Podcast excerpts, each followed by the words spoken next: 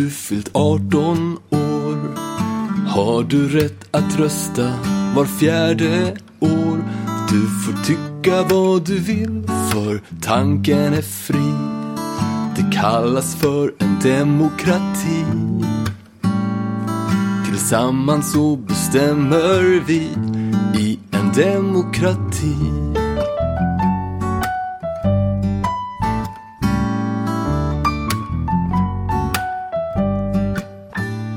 Du lyssnar på Blom Olsson Perspektivpodden med Pelle Blom och Jeanette Olsson.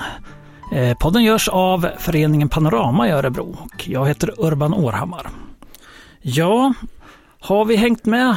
Vi ska väl gå in på det här som vi aldrig kommer förbi, liksom den här pandemin. Vad har hänt här? Vad, har ni hängt med i de senaste rundorna när det gäller restriktioner och råd och så? Jag har lite svårt för att förstå allting måste jag säga. Ja, vem har inte svårt att förstå vad som sker? Veckans pandemilag. Bling blir det här nej, men det, ja, nej, men ärligt talat, jag har ju, det blir att man hänger med någonstans, för någonstans får man ju reda på det. Men eh, ja, det är inte så som var tidigare, att man sitter vid presskonferenserna varenda gång, för det orkar jag inte med. Jag blir bara deprimerad av det. Men veckans pandemigrej måste ju vara det som var häromdagen med det här med restaurang eller kaféer och restauranger och sitta ensam och gå in på, har man en egen ingång så får man sitta fyra, har man inte det så får man sitta en. Eh, och eh, det blir väldigt ologiskt för de flesta skulle jag tro när man bara så här ute. Jag skulle önska någon gång kanske att man fick en grundlig förklaring till de här grejerna, att man verkligen motiverade på något sätt. Men det är ju så att eh, sitter jag på något café ensam och så sitter ett bord emellan och sen sitter nästa person där och det är min fru kanske till exempel. Då får inte vi sitta bredvid varandra i alla fall. Det är ju jättekul, mycket, mycket märkligt. Ja men det är ju jättehärligt Pelle. Det innebär att ni får inte fika tillsammans men ni bor i samma lägenhet, ni sitter i samma soffa, ni sover i samma säng men ni får inte fika ihop ute. Mm. Nej, typ så.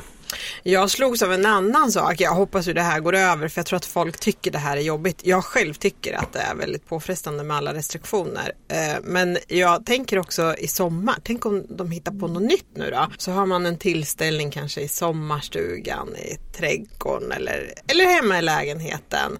Och idag får man väl vara åtta personer tror jag det är. Eller om det är fyra. Jag har faktiskt ingen koll längre på hur många man får vara. Jag tror det är fyra faktiskt i en lägenhet. Men jag är lite osäker där också. Men vi, vi, eftersom vi inte vet så mm. säger vi att vi får vara sex stycken. Vi hittar på en egen liten pandemilag. Om, om då grannen berättar att jag har en fest med sex personer och så ringer polisen på. Om de kommer in då blir de den sjunde. Vem får böterna då? Polisen. Det borde, borde vara det. För man får ju liksom böter om man bryter mot restriktionerna. Upp till 4 000 läste jag att man kunde få. Ja. Så då är det ju, det blir ju en svår balansskillnad. Skicka, skickar vi faktura till myndigheten? Men jag tror nog att de har som uppgift kanske eventuellt. Att det ingår i deras uppdrag ja, att de ska skulle... betala det ur egen ficka.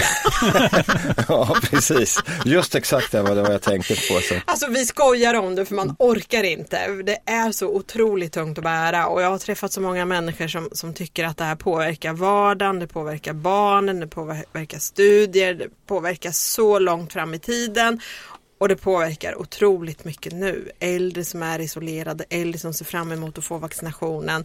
Man lever på hoppet hela tiden men man är trött. Ja men det är ju så det, och det blir ju lite jobbigt när man håller på med de här grejerna. Men? Början av mars. Det är den 3 mars idag och eh, jag tyckte jag läste någonstans att 6 mars var det eventuellt något nytt som skulle dyka upp också. Så när vi har kanske lägger ut det här så kanske det är någon ny regel ändå som är. Men eh, jag tänkte plocka upp just det här med, jag, jag sitter ju en hel del en dag i veckan på Saluhallen och tar en öl och äter en pizza eller någonting sånt där innan jag går hem. Och det är ju ganska intressant just hur med de här hur, hur, det blir med de här lagarna. Där sitter man och det, då ska det vara ett visst antal meter mellan varje bord. Och folk sitter där och de flesta känner varandra för det, det, är väldigt mycket stamfolk där. Och så har de en person där som går omkring och ska hålla ordning på det här. Och då kommer jag in då med till exempel dig Jeanette och dig Urban och så sätter vi oss vid ett bord, sitter och tar en öl och en pizza. En meter bredvid sitter två andra som man kanske känner. Sen så säger ni, nej jag är lite trötta idag, vi går hem. Men jag känner, jag vill ha en öl till. Då får inte jag byta och sätta mig vid bordet bredvid. Utan eh, då bryter jag liksom den här kedjan då någonstans, trots att det är en meter däremellan. Och Alltså, jag, jag, kan ju förstå, någonstans finns det säkert en logik i det här, att man förstås, man ska inte korsa smittvägar, så, men när det är så nära varandra, det är liksom det här förra exemplet du tog också, alltså det, det blir, man vet inte hur, det blir bara förvirrat. Jag tror inte det är många som har koll på exakt vad det är som gäller om jag ska vara riktigt ärlig. Och ändå har vi det bra. Vi får inte glömma det. För restriktioner som har tagits i andra länder är ju mycket, mycket hårdare där mm. folk faktiskt har utegångsförbud. Dit har ju vi inte kommit än. Jag vill ju helst inte att de använder pandemilagen fullt ut. För den strider ju helt och hållet tycker jag mot mm. vår demokrati. Och det ska vi ju prata mer om idag. Ja, precis. Och vi har varit inne lite på just pandemigrejer, men vi kanske ska gå vidare till lite annat. Så eh, avhandla lite andra grejer också. och då kan vi faktiskt börja med det här med demokrati som styrs av våra grundlagar. Alltså podden som vi har och föreningen Panorama, vi vill ju rikta oss till folket. Alltså till oss vanliga medborgare och vi vill inte prata högtravande eh, med ord som inte förstås. Vi vill försöka göra demokratin så vanlig som möjligt så att alla ska förstå den. Men det är inte så enkelt har ju vi. Jag menar nu har vi pluggat ett tag också, VIO folkhögskola och, och vi planerar liksom att fortsätta och hela tiden beta och vi lär oss ju hela tiden allt eftersom. Men hela demokratin och tanken som, som vi lever efter i Sverige, det vilar ju på våra grundlagar. Och grundlagarna ska ju skydda vår demokrati. Den innehåller regler för statsskicket, alltså det vill säga hur Sverige ska styras. Därför har de också en speciell ställning. Och där säger man ju att all offentlig makt i Sverige utgår från folket och riksdagen är folkets främsta företrädare. Företrädare, jag snubblar väldigt lätt på orden. Jag tror jag ska gå till en talpedagog. Men det är alltså grundlagen som utgör grunden för hela demokratin och i Sverige har vi då fyra grundlagar. Regeringsformen, successionsordningen, tryckfrihetsförordningen och yttrandefrihetsgrundlagen. Och sen finns det riksdagsordningen som är ett mellanting mellan grundlag och vanlig lag. Och grundlagarna de står över alla andra lagar.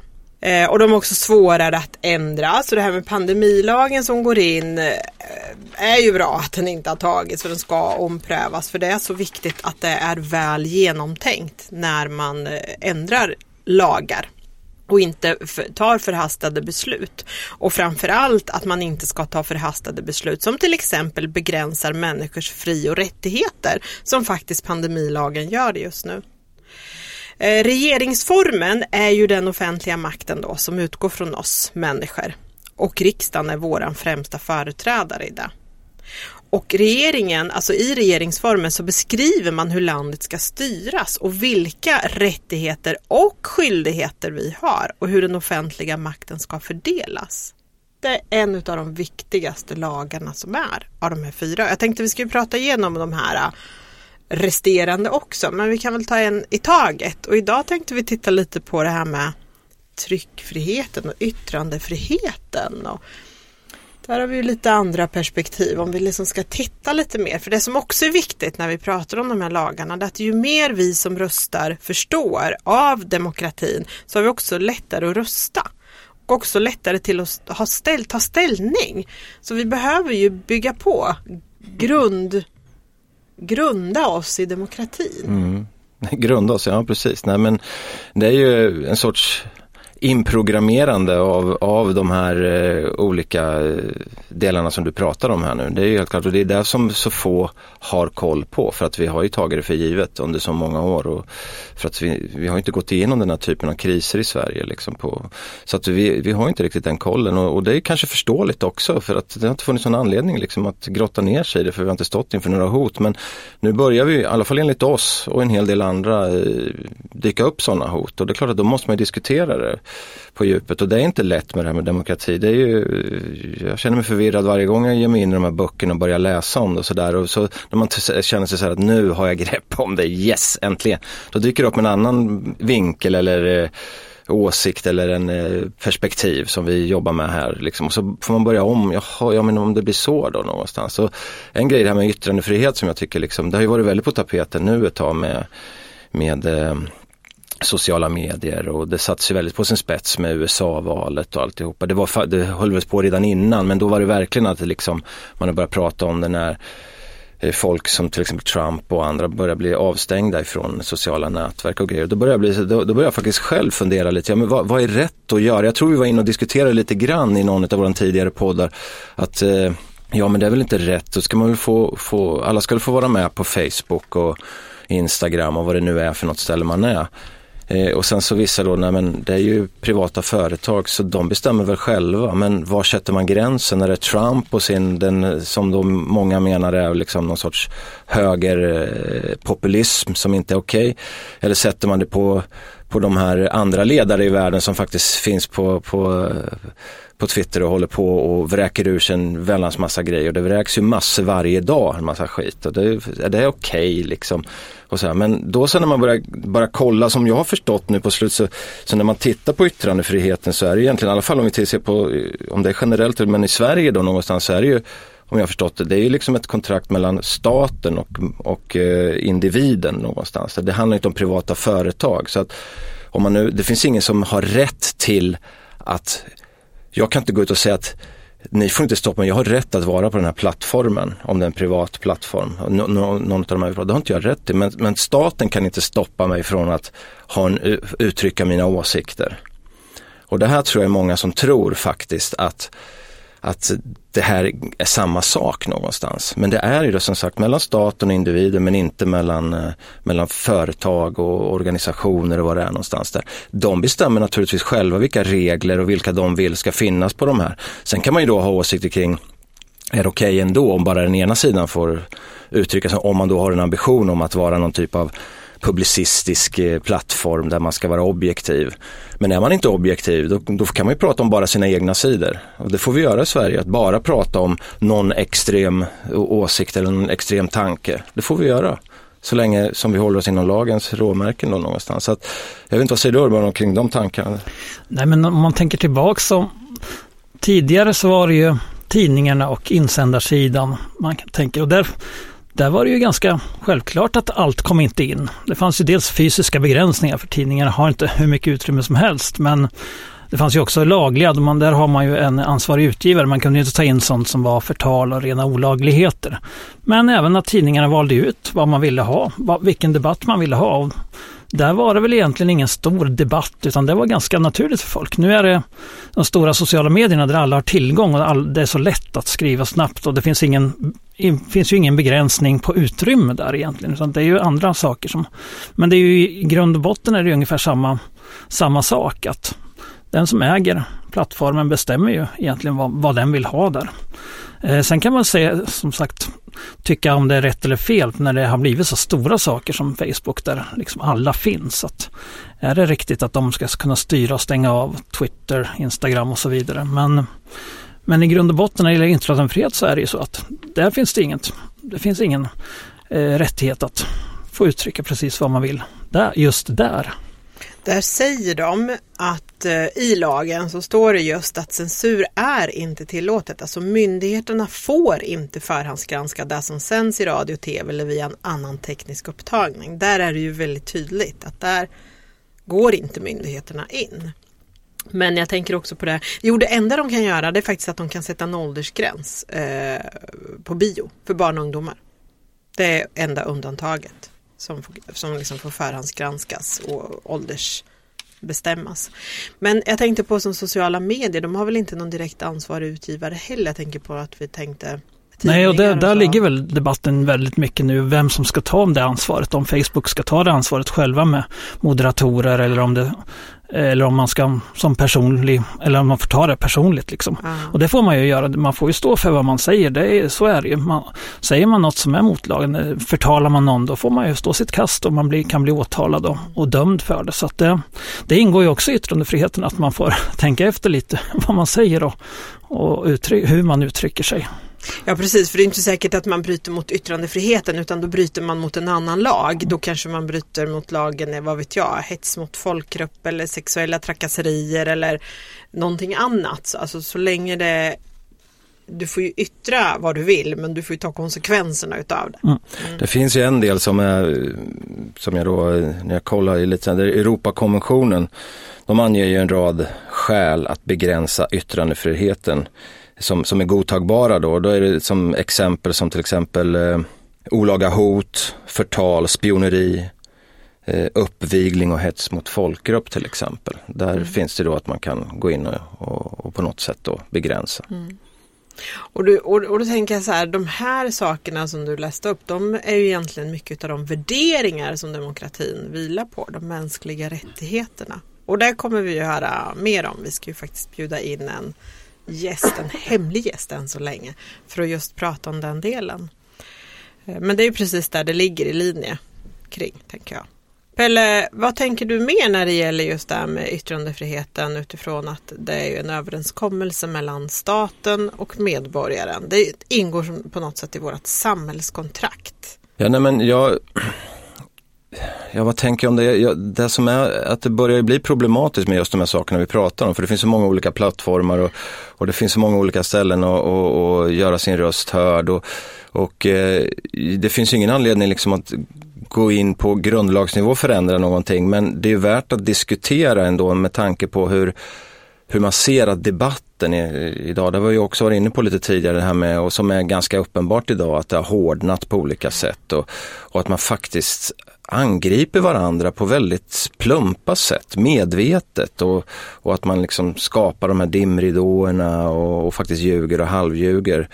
Eh, och det blir ju problematiskt. Jag vet inte hur man ska liksom kunna hitta en väg framåt för att faktiskt föra tillbaka samtalet till, till faktaargument mm. istället för påhopp och på grejer någonstans. Ska vi hitta tillbaka till ett samhälle som fungerar på ett bra sätt så måste vi tillbaka tror jag där, liksom med att eh, det, yttrandefriheten, man får säga vad man vill, det är liksom, eh, eller yttra vad man vill. det ska vi inte förändra på det sättet men att ta samtalet på ett sätt där man faktiskt kan bemöta varandra och det gör man inte ens på politisk nivå. Och det är klart att det har ju också en, en utveckling med den mediala utvecklingen under väldigt många år där liksom ytorna blir, jag menar in med två stycken som ska diskutera i tre minuter i ett tv-program i, i, eh, typ Agenda eller någonting sånt där. Alltså den som vet som kokar ägg eller något, tre minuter, i och för sig det kan ibland kännas väldigt länge men, men normalt sett går det ganska snabbt. Och då kan du inte dra, dra dig in i en massa resonemang. Då måste du ha en, två, tre i bästa fall, dina bästa argument. Du lyssnar inte på den som står tvärt emot, för den har också sina tre bästa argument. Och så står du bara och spelar pingpong med varandra mot med svarta hårda bollar liksom och sånt där. Man kommer inte fram någonstans. Det blir ju inget konkret, det blir ingen kreativ diskussion. Man vet inte vad de står för mer än de här punkterna. Och de punkterna behöver ju, där brödtexten under behöver inte alls betyda samma sak som de här punkterna utan det kan du bolla in vad som helst. Och det där tycker jag är ett problem och det gör ju att vi, folket då, som ska välja de här representanterna, blir ju vilseledda. Hur ska vi kunna välja rätt om vi inte får rätt förutsättningar på vad det är de säger? Och där tänker jag på Urban, du hade ju kikat på en tidning som jag tror hela länet får hem där våra politiker, regionala politiker eh, hade uttalat sig. Mm, det är den här tidningen som regionen, Region Örebro län skickar ut till alla. Eh, jag kommer inte ihåg vad den heter nu men och de tog ju upp i en artikel om det här med, som vi var inne på också, med demokratin 100 år. Och där utgår vi ifrån att just när kvinnor fick rösträtt till riksdagen, att det är 100 år sedan, det är där vi firar. Eh, att det har blivit just det här jubileet då. Sen kan man ju det finns många andra grejer i demokratins utveckling som fortfarande behöver flyttas fram, men det tar vi en annan gång. Men just i det här så var, pratar man ju också med eh, representanter för alla politiska, eller ja, de, de stora politiska partierna ska vi säga. Och det var ju ganska tydligt att de flesta var ju, de var just inne på det här med att demokrati lika med representativ demokrati, för de var väldigt mycket inne på att problemet är att folk inte engagerar sig politiskt i partierna. Eh, det, var, det såg de som en stor fara för demokratins framtid. Det var någon, jag tror det var Liberalernas representant som, som lyfte det här att det måste börja tidigare, att, att hela, hela krisen för föreningslivet som ju bygger på demokratiska principer. Att det är liksom grunden. Man måste börja redan där. Att föreningslivet har svacka, man har svårt att få folk att engagera sig.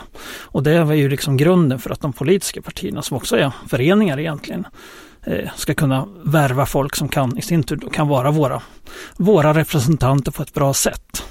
Så det var ju ganska intressant att se att det fanns ja, de flesta var ganska inne i sin lilla bubbla. Det finns ju en politikerbubbla precis som det finns alla andra bubblor då att man, man ser. Och då kan man ju titta, vi har ju fått lite roliga kort här eh, som vi har skaffat oss som är från den här eh, organisationen som heter vi, prat, vi måste prata heter den. Ja, eh, hashtag vi måste prata.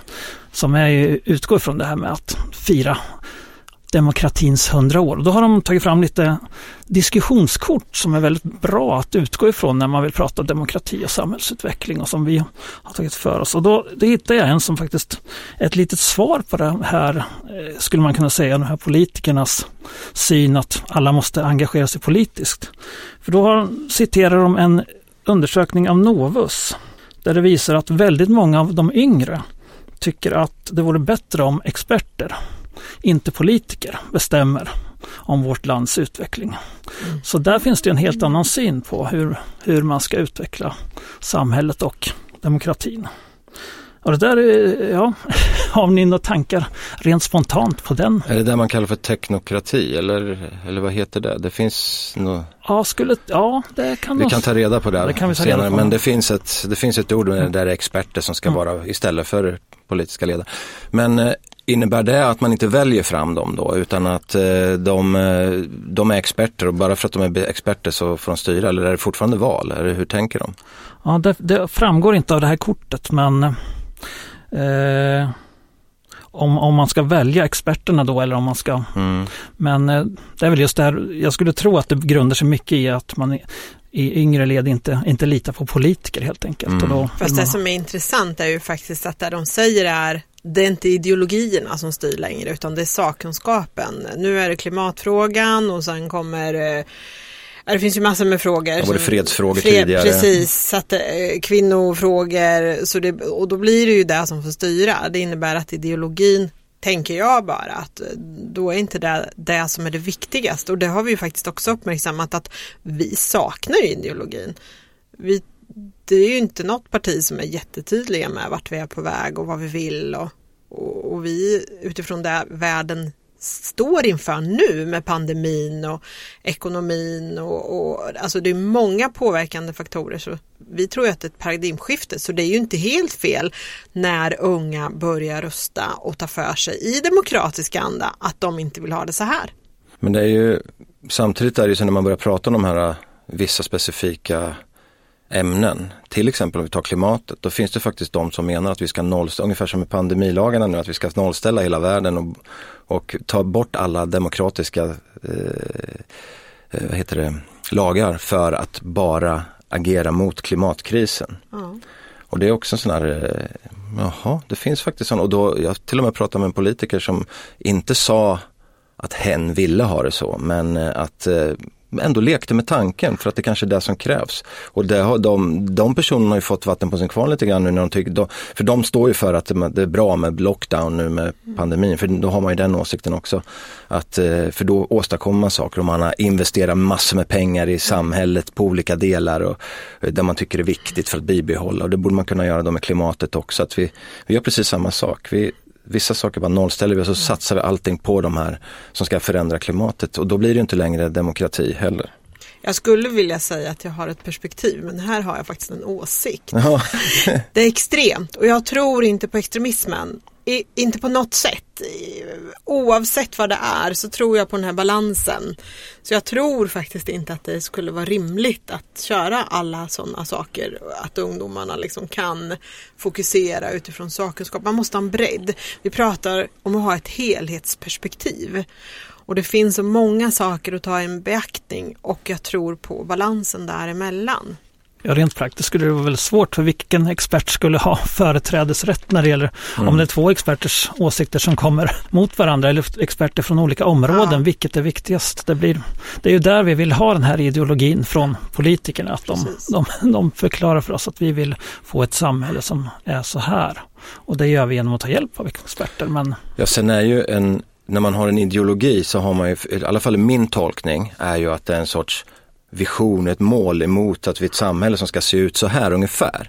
Men när vi pratar om demokrati så är det ju hela tiden man återkommer ju till att demokrati är ju en sorts kompromisser, man tar sig fram på olika sätt och stöter olika åsikter och, och eh, mot varandra för att komma fram till någonting. Men är det en expert så någonstans så är det ju en expert.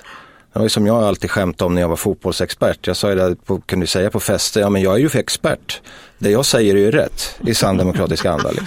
Så brukar jag, när jag hade tagit någon öl och sådär, då tyckte jag jag var jätterolig då. Inte så många andra, men hur som helst så är det lite, men man hamnar ju där någonstans i slutändan då. Och, så att det är som du säger, och i dessa, dessa tider med, återigen man tjatar om den här pandemin, men den ligger ju bara och bullrar här. Men nu är det jättemånga olika experter som uttalar sig mot varandra och vem är det som har rätt? Det är ingen som vet vem som har rätt överhuvudtaget än så länge, så det blir väldigt svårt. Men det handlar ju om att ge och ta. Och jag skulle vilja säga att när det handlar om ideologierna, två tankar. Den ena ideologierna är ju, jag tycker att det får ju politiken själva ta på sig. Jag tycker att det började med, och det är också en personlig åsikt, det är inget, inget och kanske, ja det är ett perspektiv också, men det är det här med personvalen, när de började, då började liksom att, då ska du själv bli privat du måste föra fram saker så att du blir, populära saker så att du blir vald helt enkelt. Då går det inte att snacka om ideologier som vilar på hundra år tillbaka, där vi byggde landet.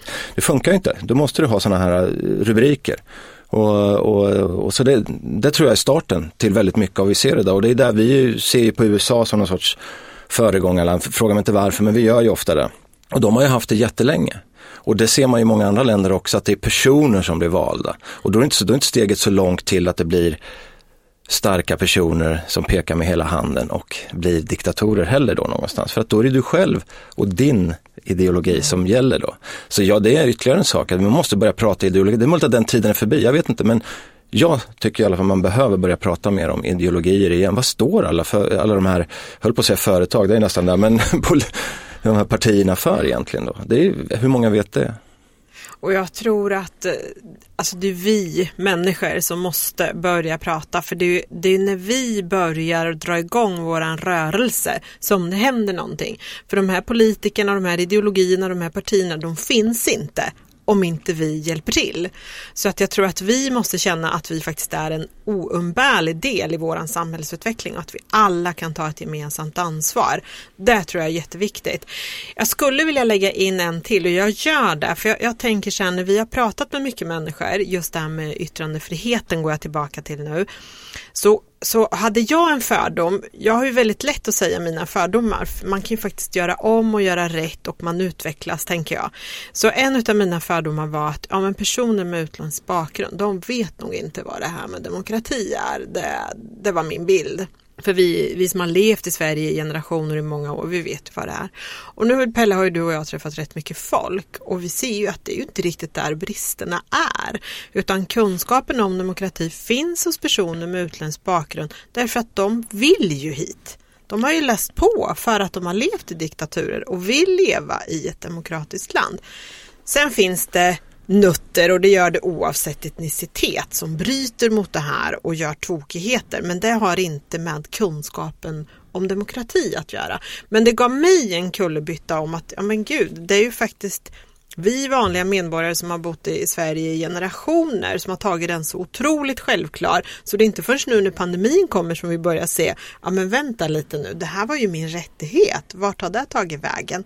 Så att vi behöver ju jobba med frågorna och jag tror att samtalet människor emellan att det gör en stor skillnad bara att våga erkänna att jag har lite fördomar om dig Pelle som fotbollsexpert som du säger.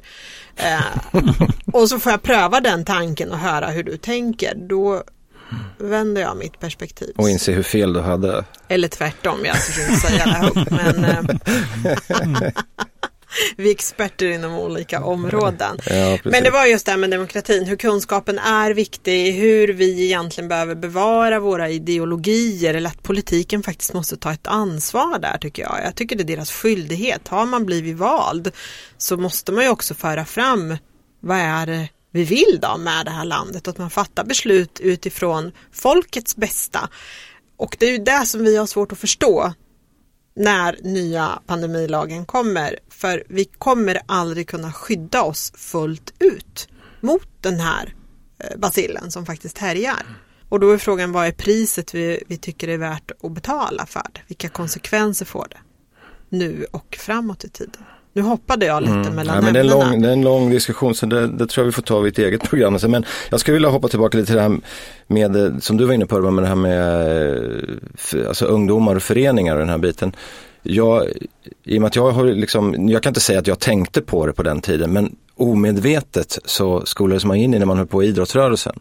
Så är det trots allt så, idrottsrörelsen är ju en, det är precis som alla andra föreningar, det är en demokratisk förening där man har årsmöten och, och man bestämmer vä- vägen framåt och alla får välja sin, vem som ska vara ordförande och i styrelsemedlemmar och en valberedning och hela den här biten. Och, och även beroende på vilka fotbollsklubbar man är i, där är det ju eh, med, med just tränare och ledare, där är det också så, där har det varit, där under min första del av, av min fotbollsliv så var det ju auktoritära ledare. Då, best- beställ, då bestämde tränaren i princip allt och eh, kunde bestraffa och, och, och sådana här saker. Då. Eh, ju längre åren har gått så där, går det liksom, där har det gått emot alltihopa. Så ju längre åren har gått så har det blivit ett mer demokratiskt ledarskap inom, inom fotbollen. Åtminstone jag säger idrotten, fotbollen ska jag poängtera. Eh, där faktiskt fler är involverade. Fortfarande finns det de auktoritära ledarna och tränarna kvar. Men i övrigt så är det numera team som, som som styr allt och man har möten, man pratar igenom de olika sakerna. Sen har man ju en ansvarig förstås som, som tar besluten i slutet. Men, eh, och i vissa klubbar så får även spelarna vara med. Man har ett spelarråd ofta. På min tid så var det ofta spelare och var mer liksom, man fick vara med och sen så blev det, var det beslut som var emot och blev de bestraffade istället. Det fanns den där risken att vara, det fanns en risk att vara spelarnas språkrör framåt då någonstans. Men där tror jag också har blivit mycket bättre. Så att där finns det ju, och det handlar om supportrar också som har supporterföreningar där de har exakt samma upplägg alltihopa. Så där finns det ju. Så det, på vissa ställen så finns det här på ett ganska bra sätt. Och jag tror att det, det, det jag ville säga egentligen är att det, jag tror också det är viktigt att man lärde sig utan att man förstod att det handlade om att prata med varandra för att komma fram till olika mål. Och, och där har ju kanske inom andra områden, för idrotten tappar ju också i medlemmar och fotbollslag dör varje, varje dag höll jag på att säga, men varje år så försvinner jättemånga klubbar ute på landsbygden. Det finns inte tillräckligt mycket folk och det, det blir mer individualistiskt där också. Privata företag kommer in och bedriver specialträning för, så det finns en sån här paradox lite grann, att det börjar gå mot mer, eller individualismen finns, men ändå så lever just den här demokratin. Och där är det ju att det finns en sån här 51% regel att medlemmarna ska alltid vara den, den starka i de här, om det kommer in en stor företag och vill vara med. De, får aldrig ta över.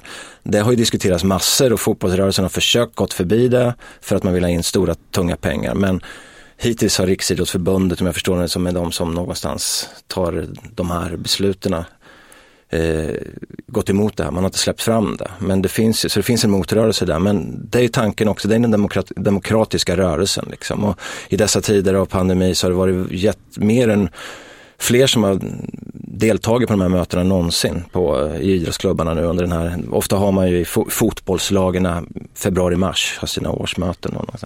Så det är en, jag vet inte vad jag, vad jag vill säga med det, men något perspektiv var det kanske i alla fall. Ni, ni, ni, ni får plocka upp det som ni vill. Viktigt med förenings...